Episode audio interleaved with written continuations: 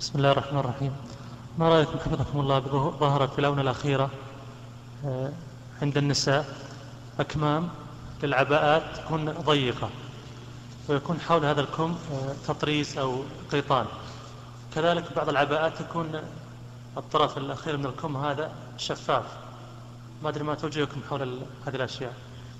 آه، إحنا نحن نقول لدينا قاعدة مهمة وهي أن الأصل في اللباس والطعام والشراب والمعاملات الأصل فيها الحل وأنها حلال ولا يحل لأحد أن يحرم منها إلا ما دل النص على تحريمه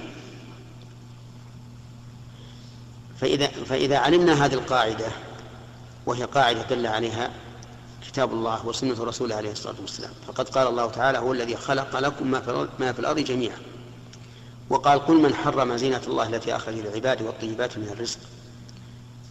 وقال وأحل الله البيع وحرم الربا. فكل شيء لم يحرمه الله من هذه من هذه الأمور فهو حلال. هذا هو الأصل.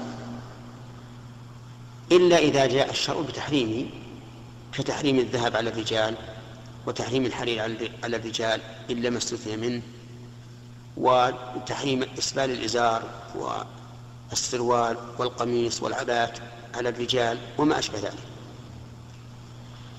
فإذا طبقنا هذه المسألة التي حدثت أخيرا وهي العباءة الجديدة على هذه القاعدة قلنا الأصل حلال.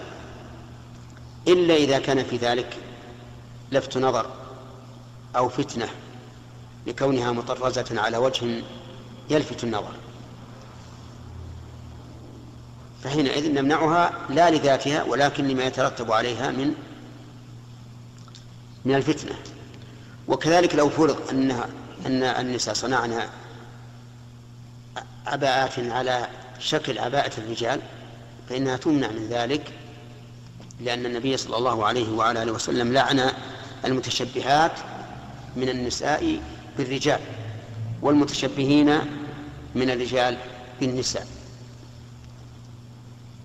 هذه العبادات نقول أصل فيها الحل ما لم نعلم أنها سبب للفتنة. فنمنعها. نعم؟ ما هو شرط. لكن بالنسبة للمرأة اللون الأسود أستر لها. وهو الذي جاء عن السلف.